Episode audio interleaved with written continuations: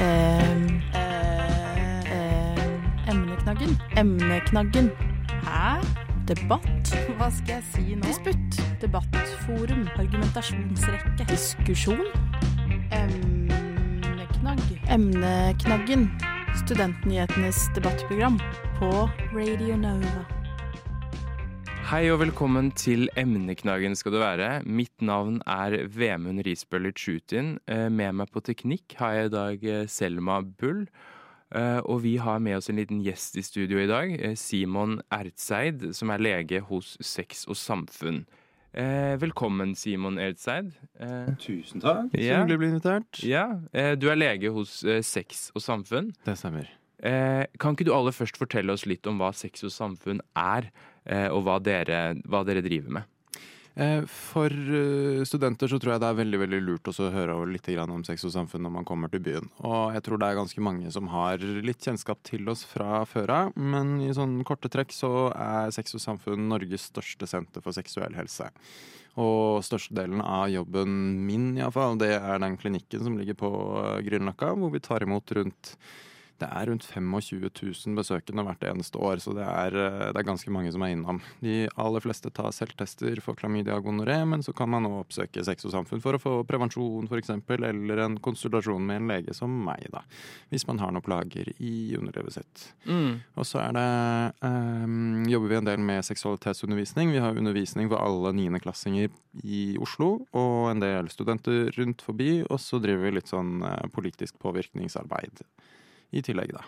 Er det noe som skiller dere fra andre sånne tjenester, eller sånne klinikker? Um, det er jo I Oslo så har hver eneste bydel en eh, egen helsestasjon for ungdom. De aller fleste er åpen eh, en dag i uka, kanskje en kveld annenhver uke eller noe sånt. noe. Og Sex og Samfunn er, er den største og den som har mest eh, kapasitet, flest ansatte og er åpen, åpen flest dager i uka. da. Mm. Ehm, men eh, man skal i utgangspunktet få mange av de samme tilbudene på de fleste helsestasjonene. Der er det ofte litt mindre kø. Ja. Mm. Hvordan føler du at deres eh, tilbud blir eh, mottatt av, av folk? Eh, Jeg syns det virker som folk er veldig fornøyd. Eh, Folk føler seg sett og føler seg hørt. Eh, Og mm, sånn mye av grunnen til at jeg liker å jobbe på Sex og Samfunn, det er jo at det er ganske mange som syns det er litt vanskelig å komme til et sted som Sex og Samfunn. og Det er snakk om seksuelt overførbare infeksjoner og kjønnssykdommer. Det er mange som kan, eller noen som kan oppleve skam relatert til det, eller at det er både flaut og kleint å komme dit. Og så hvis man eh, klarer å gjøre en grei jobb som, som lege, så går man med hodet hevet og så et smil rundt munnen, og så har man kanskje lært litt grann mer om seg selv og sin egen kropp også. Og at ting ikke var så farlig som man kanskje hadde trodd. Mm. Men det er mye myter og mye tabu og litt stigma relatert til en del av disse seksuelt overførbare infeksjonene, og de har- ikke jeg noe særlig fan av. Så dere prøver å bryte ned, ned dette, da? bryte ned det. Mm. Men merker, du snakker om dette med at det kan være flaut for noen da, Mm. eh, å møte opp. Merker du at det kan være en sånn spesiell stemning eh, på, hos, på klinikken deres? At, eh, at det bærer litt preg av det? Eh, ja, lite grann av og til. Jeg, eh, jeg forholder meg til seksuell helse som jeg ville forholdt meg til en hvilken som helst annen del av helsen, på en måte. At eh, jeg kunne like gjerne undersøkt en ankel som en vagina. Eh, og, og mange har nok en, mer en innstilling om at dette kommer til å bli flaut. Og så kommer man inn på legekontoret, og så skjønner man at det var ikke så flaut allikevel, og det går egentlig greit. Eh, så den, den stemningen som er litt sånn rar, det tar ikke så lang tid før man får snudd på den, Mm. egentlig. Og Så blir det et hvilket som helst annet legekontor, Ja, egentlig. det, Ja. det tenker jeg iallfall. Mm. Eh, hvordan finansieres eh, Sex og Samfunn? Eh, Det er en ideell stiftelse, så vi får eh, penger både fra kommunen og fra Helsedirektoratet. Altså Så Helsedirektoratet så går det på hvilke ulike prosjekter man har og sånn, men så er det kommunen som driver driften, om jeg ikke helt klart helt feil. Det, det er uh, ikke dette som er mitt spesialområde på økonomiske driften. Nei, det er lov. For å gå over i en litt mer sånn aktualitetsretning, Mm. eh, så kom det jo nylig frem, frem en rapport eh, fra Kvinnehelseutvalget. Eh, har dere noen tanker om den utredningen og, og det som kom frem der, med, med dette at kvinnehelse kanskje har blitt, har blitt nedprioritert av, av samfunnet og helsetjenesten? Det er jo ikke en stor hemmelighet at kvinnehelse har blitt nedprioritert av samfunnet og myndighetene, eh, og det har det gjort lenge. Så vi syns det var veldig veldig bra, den rapporten som kom, og var fornøyd med at det var en del fokus på, eh, på vulvahelse. Eh, på smertetilstander i underlivet, på vaginisme, og veldig fornøyd med at det var en del om endometriose der. Så jeg syns det var veldig bra, den rapporten. Så vil jo jeg jo gjerne se en, et utvalg som snakker om mann, mannehelse. Man har jo et mannsutvalg, men det skal ta for seg hele mannen, og ikke bare helsen. Så jeg tror uh, hvis man skal fortsette med disse utvalgene, så burde man nok kanskje ha et mannehelseutvalg etter hvert også. Mm. Men uh, veldig fornøyd med den rapporten som har kommet, og det jeg har sett så langt iallfall. Ja. Hva tenker du kan gjøres bedre når det kommer til mannehelse, da, som du nevner? Ehm, menn er jo på toppen av eh, de fleste dårlige statistikker. Man tar livet av, sitt, tar livet av seg selv mest. Man er mest uh, uh, har mest um, måtte, um, Blir mest utsatt for vold og utsetter flest for vold og utsetter flest for overgrep og voldtekt. Man er dårligst til å dra til legen, venter lenge nok med å Nei, for lenge med å dra til legen, og man er Man lever kortere. Eh, så jeg tror det er en god, en stor jobb man kan gjøre med både eh, mannens helse også. Ja. Mm. Eh, dere tilbyr jo også seksualundervisning. Mm. Har du lyst til å fortelle litt om det? Det er lovpålagt eh, at alle niendeklassinger i Oslo skal få seksualitetsundervisning eh, av sex og samfunn. Eh, så vi reiser rundt på alle skolene i eller ungdomsskolene i Oslo og så holder seksualitetsundervisning. Og da er det, det er to og en halv time som det vi har fått. Og det er jo på ingen måte nok til å bli eh, en utlært eh, eller en person som har liksom kunnskap nok til å ta gode og riktige valg for egen kropp og seksuell helse. Men det er jo bra at man får lite grann. Så får vi jo heller stole på og håpe på at lærerne på skolen tar resten av undervisningen, da. Det som er viktig å, å lære seg. Mm. Men hvorfor er det en seksualitetsundervisning og ikke en seksualundervisning? Det er nok litt sånn uh, språklige finurligheter. Det var et møte mellom Rosa kompetanse og sex og politikk og en del andre sånne aktører innenfor miljøet som endret det fra seksualundervisning til seksualitetsundervisning, fordi man tenkte at det var mer inkluderende. Mm. Det er jo ikke bare det som har med selve sexen å gjøre man snakker om, men det er mer liksom seksualiteten og det som er rundt, det med følelser, det med kommunikasjon, det med samtykke, grensesetting, intimitet, nytelse. Eh, så er nok det seksualitetsbegrepet kanskje litt mer dekkende. Men eh, mm. Eh, og det å liksom få I seksualitetsundervisningen så har man jo ofte fokusert på skadeforebygging, på negative konsekvenser og hvordan unngå de. Mm. Det har vært snakk om seksuelt overførbare infeksjoner, om overgrep og voldtekt, abort, eh, prevensjon og, eh, og, sånn, og ikke så veldig mye alt det rundt. på en måte, Alt om kommunikasjon, hvordan man snakker sammen, hvordan man lærer seg om sin egen kropp, hvordan man finner ut av hvordan man får en orgasme, hvordan du finner ut at partner får en orgasme.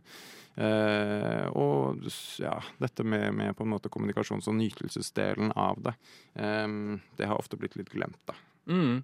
Men når man går i niende klasse, så er man jo kanskje i en periode hvor man synes at sånne ting er veldig flaut. Eh, og begynner å fnise litt og sånn. Hvordan, hvordan, opplever dere det når dere drar rundt og snakker med niendeklassinger? Jeg opplever at ingen syns ting er flaut eller kleint før de blir fortalt det. Eh, og jeg tror ingen syns egentlig sex eller kropp er noe flaut å snakke om før man uh, merker at foreldrene eller lærerne sine syns at dette her er flaut og kleint. Og jeg har merket en del lærere som går rundt og sier sånn åhå, nå har de gleda seg lenge til seksualitetsundervisningen, ja nå Og så er det egentlig lærerne som syns det er mest sånn eh, kleint og flaut selv. Eh, og de som er eh, da, over generasjonen til de som er niendeklasse, og kanskje en generasjon over meg igjen også, de har jo ikke fått noe seksualitetsundervisning. Man har hatt reproduksjonslære på skolen, og man har delt gutt, nei, klassen i, i, gutter og i jenter. Og hvis man ikke er noen av delene, så har du blitt ekskludert eller putta inn i en av gruppene. Mm. Eh, og så har man lært om mensen, og så har man lært hvordan ikke bli gravid. Eh, og så har man lært om eh, kanskje litt om kjønnssykdommer. Man har ikke lært noe som helst om hva det vil si å ha en seksuell helse i det hele tatt.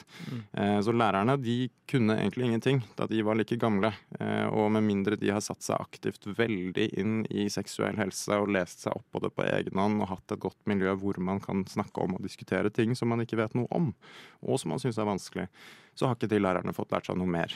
Og da er det, da er det ikke rart å tenke at at eh, de også viderefører denne, denne flauheten og kleinheten på, på, ungdommene.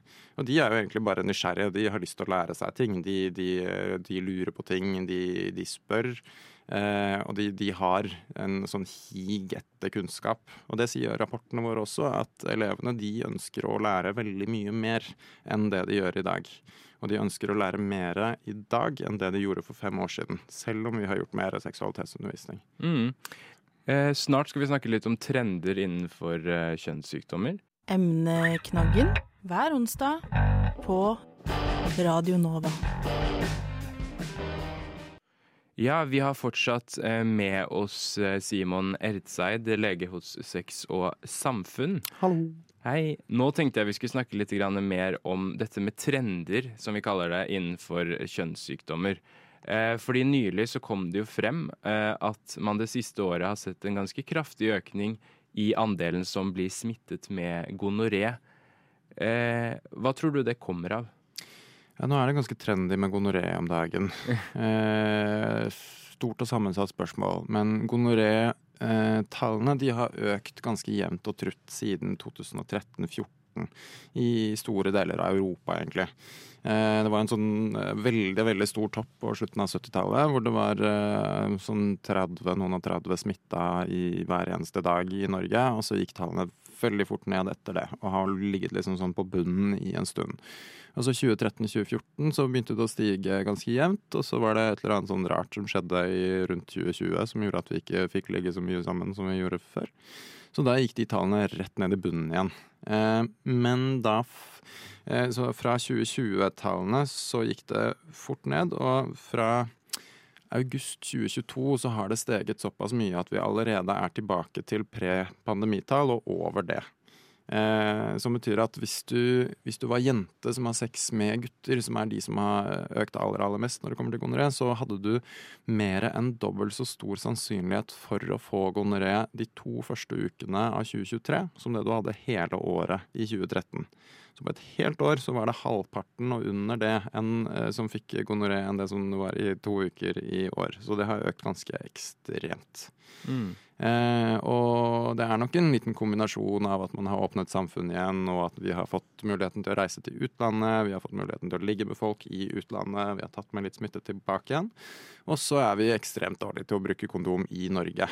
Og så har gonoré den derre artige Eh, måten å funke på at hvis man har en penis, så får man symptomer 80 av gangene, og de, eller 80-90, og de er grønn gugge av tissen, og det gjør vondt å tisse og alt mulig. Det merker de aller fleste. Men hvis man har en vagina, så er det bare halvparten cirka som merker at de har det.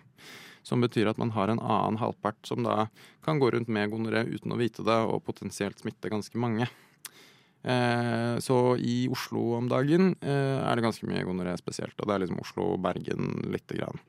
Mm. Eh, ja. Vil du kalle det en epidemi?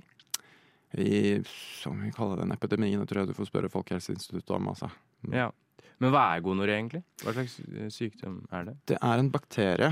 Um, hvis du har hørt om dryppert fra sånne gamle Ibsen-stykker, så er dryppert det gamle norske navnet på gonoré.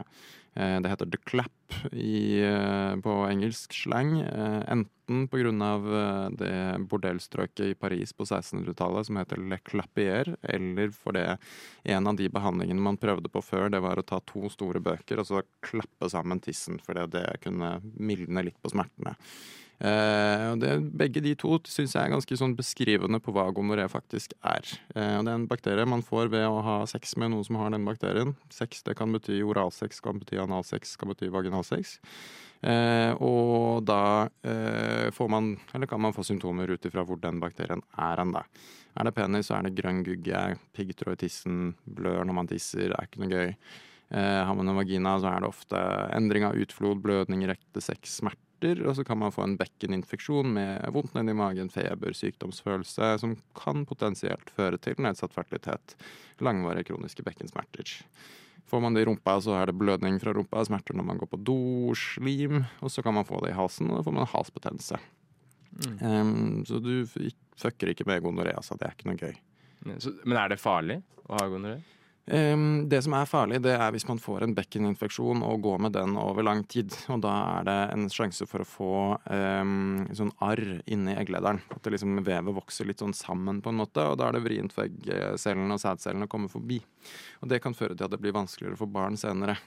Uh, og i tillegg så er det dette med langvarige kroniske bekkensmerter som er en, risiko, da. Eller uh, ja, så kan det jo også andre ting på en måte gi arr og vokse litt sammen. og det er en sånn Eh, jeg er ikke noe fan av skremselspropaganda, men akkurat når det kommer til gonoré, så er det en sånn konsekvens man kan få hvis man har en penis, som jeg tror vil få veldig mange til å kunne bruke kondom.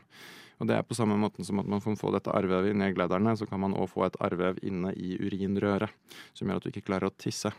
Og det du må gjøre da, det er å slide en sånn stålstang inn i hele penis, og så vipper man opp en kniv i den ene enden, og så, så, så drar man den kniven ut igjen, sånn at man liksom skjærer på langs gjennom hele urinrøret.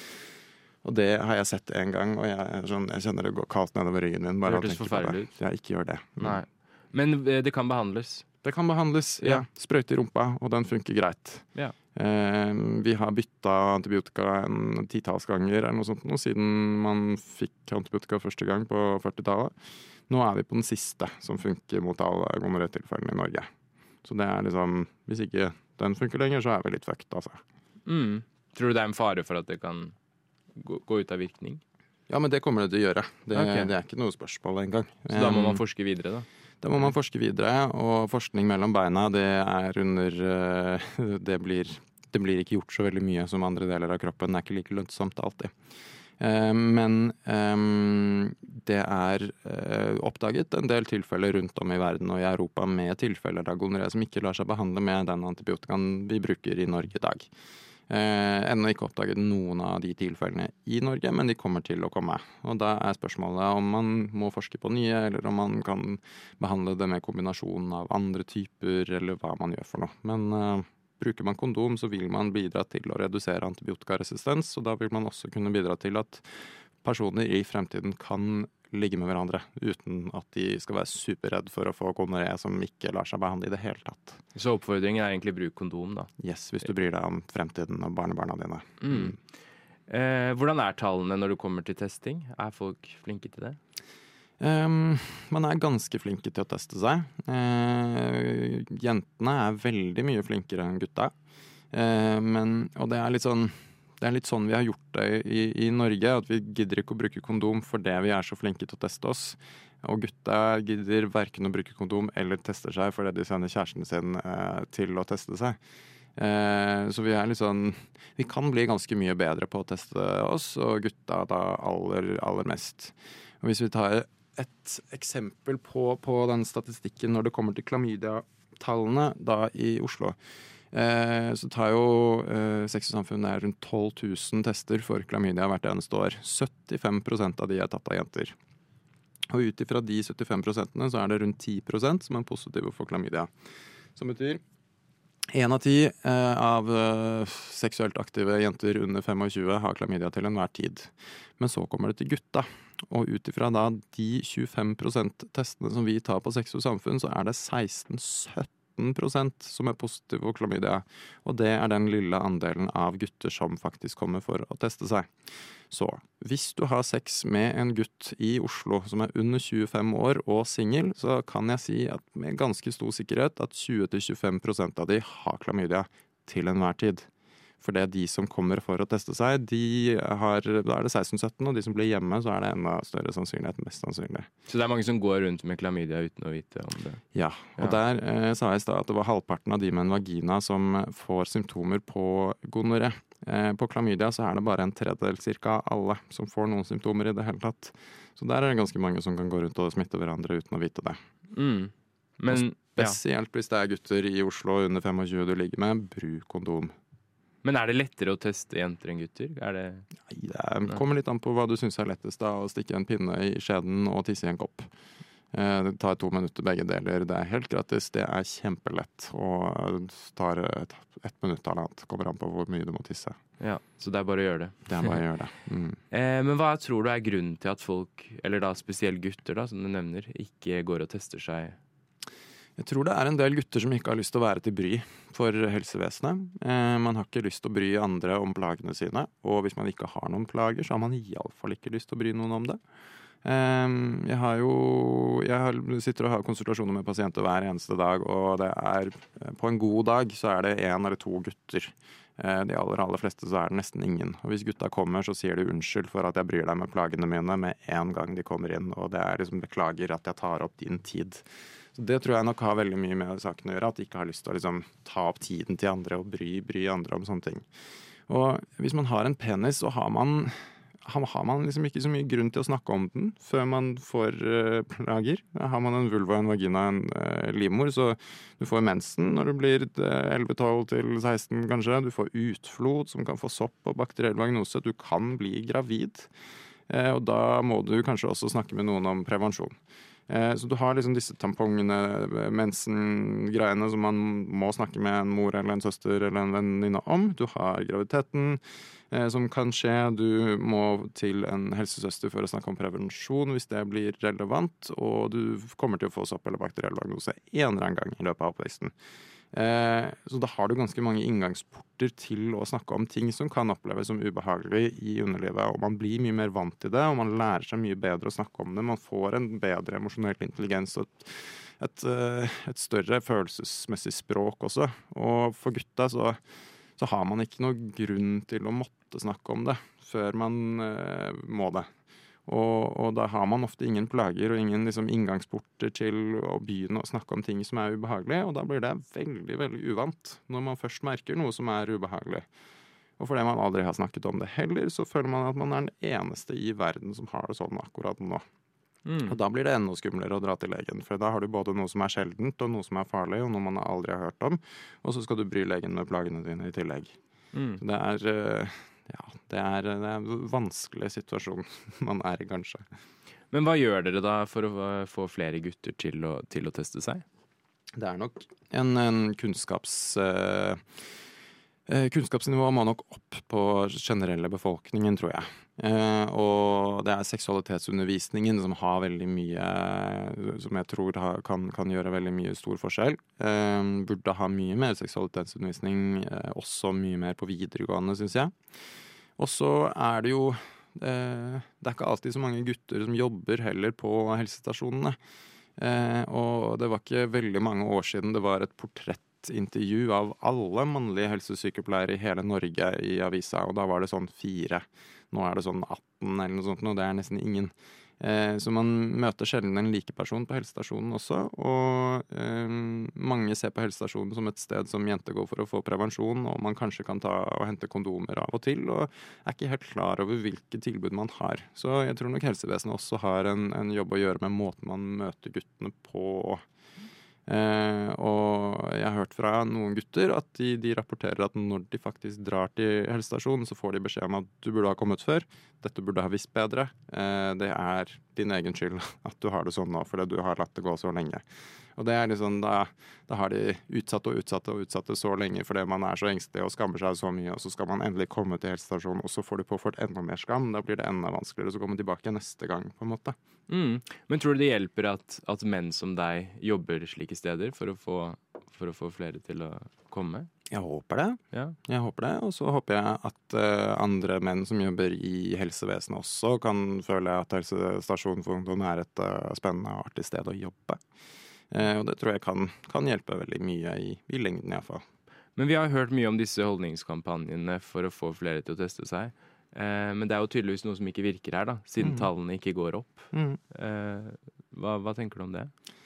Um, sånn som den Helsedirektoratets uh, kampanje som kom nå, som for så vidt var den samme som de ga i 2018, uh, eh, hvor tallene også ikke hadde noe særlig endring på seg. Um, jeg syns det ser litt ut som at de sier 'bruk kondom, din fitte'. Eh, 'Bruk kondom, din pikk'. og så, så, De ordene er jo i utgangspunktet ikke noe vulgære, men så har de sensurert de, og da blir det jo enda mer vulgært igjen, på en måte. Så jeg syns det, det virker litt sånn det er jo direkte, og det er jo blikkfang, og man skjønner jo meningen, men så er det litt sånn pekefinger sånn Du burde bruke kondom, hvis ikke så du, burde du skamme deg. Liksom. Det, det syns jeg er en dårlig måte å gjøre det på. Eh, og jeg syns vi burde få frem de positive sidene av kondombruk i stedet. Og få, frem, eh, få folk til å se på det som en åpenbar selvfølge man skal ha med i et one night stand. Eh, at kondom er noe man kan se på og si hvis jeg bruker dette, så er jeg til å stole på fordi jeg bruker kondom. Eller at dette betyr at jeg har lyst til å ta vare på deg, eller at vi skal ta vare på hverandre. Eh, elegant måte å spørre om samtykke på. og det pleier jeg å si også, at hvis du klarer å dra frem kondomet på en smooth og elegant måte og ta det på uten å stoppe opp øyeblikket eller ødelegge romantikken, da tyder det på at du har peiling på hva du driver med, og at du kanskje vet hva du driver med etter at kondomen har blitt satt på også. Eh, så vi trenger å vri litt det, og da, da, tror jeg det er ganske mange flere som må inn i bildet. Eh, man må ha gode forbilder som snakker positivt om kondombruk. Eh, og ikke kaller det fette nerd eh, på foran hele Norge på en eh, skattebetalers regning på Statskanalen. Det er ikke helt jeg syns ikke det er det beste når det kommer til en uh, positiv uh, kulturendring når det kommer til kondombruk. Skjønner ikke hvilken podkast du snakker om. Jeg, jeg, vet ikke, altså. Um, og så trenger vi sånn som på, på Paradise Hotel, på Ex on the Beach og sånn, det er jo aldri noen kondomer der. For de, de, tester seg jo i forkant, sånn at de kan legge sammen når de kommer på, på TV-programmet. Og da blir jo også den sånn kondompraten ikke relevant, og da er det en sånn åpenbar greie at det trenger man jo ikke å tenke på. Og unge mennesker som ser på dette, og folk som har sex med hverandre uten å bruke kondom, også uten å snakke om det i hele tatt, så blir liksom kondomen helt glemt. Så vi trenger det mer inn i film, og vi trenger det mer inn i TV-verden. Jeg har veldig lyst til å se et sånn positivt kondomøyeblikk på en norsk TV-serie. Sånn type Skam-TV, hvor man uh, tar fram en kondom og skal ha sex, og det ikke er laget som en sånn klein, morsom eh, gjør en narr av øyeblikket-ting. Mm. Um, og så ja, må man ha gode forbilder. Ja, Så du vil rett og slett ha det mer inn i film- og underholdningsbransjen? Ja. Og mer naturlig. Og mer naturlig. Og ja. tilgjengelig på bardisker rundt om uh, på uh, Blindern. Mm. Yes. Men straks så skal vi ha en liten Q&A her i emneknaggen. What? Radio nå. Ja, nå som vi har deg her, Simon Ertseid, så har vi fått inn noen spørsmål eh, fra våre lyttere eh, på vår Instagram. Eh, og vi tenkte vi skulle avklare noen av tingene vi ser mange snakker om på internett. Mm. Eh, hva stemmer egentlig? Eh, og vi kan jo begynne med første spørsmål. Da. Hvorfor er det en trend eh, å slutte med hormonell prevensjon? Den generasjonen som vokser opp i dag, eh, er den generasjonen som har fått best seksualitetsundervisning. De er høyest utdanna, de har gått mest på skole, og de har mest peiling. også en generasjon som er kritisk mot myndighetspersoner, helsevesen og mot autoritetspersoner. Forståelig nok. så det syns jeg er veldig, veldig fint. Um, og så uh, har man en uh, Tidligere så har man hatt veldig lite informasjon tilgjengelig når det er snakk om uh, seksuell helse og prevensjon inkludert. og så har vi gitt bedre og bedre seksualitetsundervisning, så man har lært litt mer og mer i skolen. Um, og når man har et internettsamfunn med nyheter som prøver å sjokkere, man legger ut nyhetssaker om Jeg så nylig en i går om ei som hadde en ekstremt traumatisk fjerning av en spiral, f.eks. Og, og nyhetene, både Dagbladet og VG, prøver liksom også å lage sånn sjokknyheter om prevensjon. Eh, sosiale mediene så har du en overflød av informasjon som ofte er litt unyansert. Det er ofte personlige erfaringer, hvordan jeg har hatt det. Eh, og man har veldig mye informasjon tilgjengelig. Og med mindre man har en helsefaglig bakgrunn, erfaring i å jobbe på helsestasjonen med prevensjonsveiledning, så blir ofte kunnskapen litt sånn stokket opp og litt unyansert. Eh, og det er ikke til å legge skjul på at man har muligheten for å få bivirkninger eh, av hormonell prevensjon. Eh, på samme måte som man kan få bivirkninger av alle typer eh, medisiner man putter inn i kroppen. Eh, og så er det litt en, en um, sånn Hvis man skal unngå å bli gravid, så må man jo påvirke disse systemene som jo styres av hormoner. Eh, og da må man jo bruke de hormonene som styrer disse prosessene for å endre på de, på en måte. Så man vil jo kunne få bivirkninger. Men så fins det uh, utrolig mange forskjellige sånne små varianter av uh, dette prevensjonshormonet gestagen. Og litt sånne forskjellige typer, gitt til litt forskjellige typer personer på litt forskjellige måter på litt forskjellige tidspunkt i livet. Det gir litt forskjellige bivirkninger. Og Bivirkningene kommer ofte i begynnelsen, rett etter man starter, når man får en endring av det innholdsstoffet som jo finnes i kroppen fra før av. Eh, og så vil de aller fleste bivirkninger for de fleste forsvinne i løpet av tre måneder. Eh, og hvis ikke de gjør det, man fortsatt har bivirkninger etter tre måneder, så kan det være lurt å bytte til noe annet.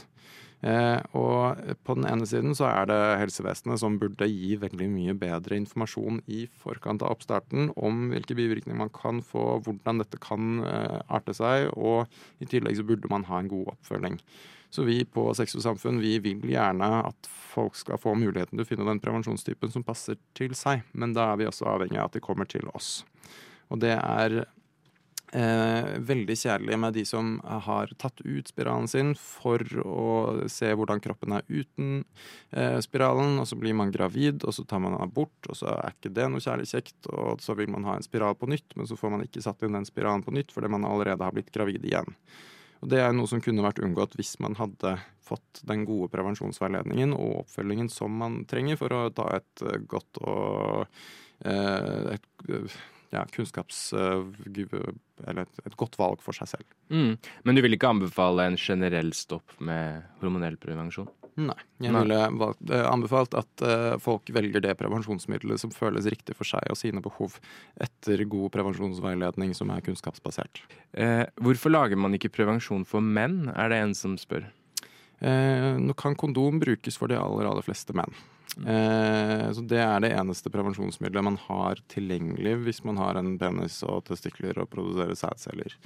Eh, hvis man har eh, ovarier eller eggstokker, så lager man én til to eggceller i måneden. Eh, nei, én celle som skal stoppes én gang. Hvis man har testikler, så lager du noen millioner eh, sædceller hver eneste dag. Så det er ganske mange flere ting som skal på en måte stoppes på veien.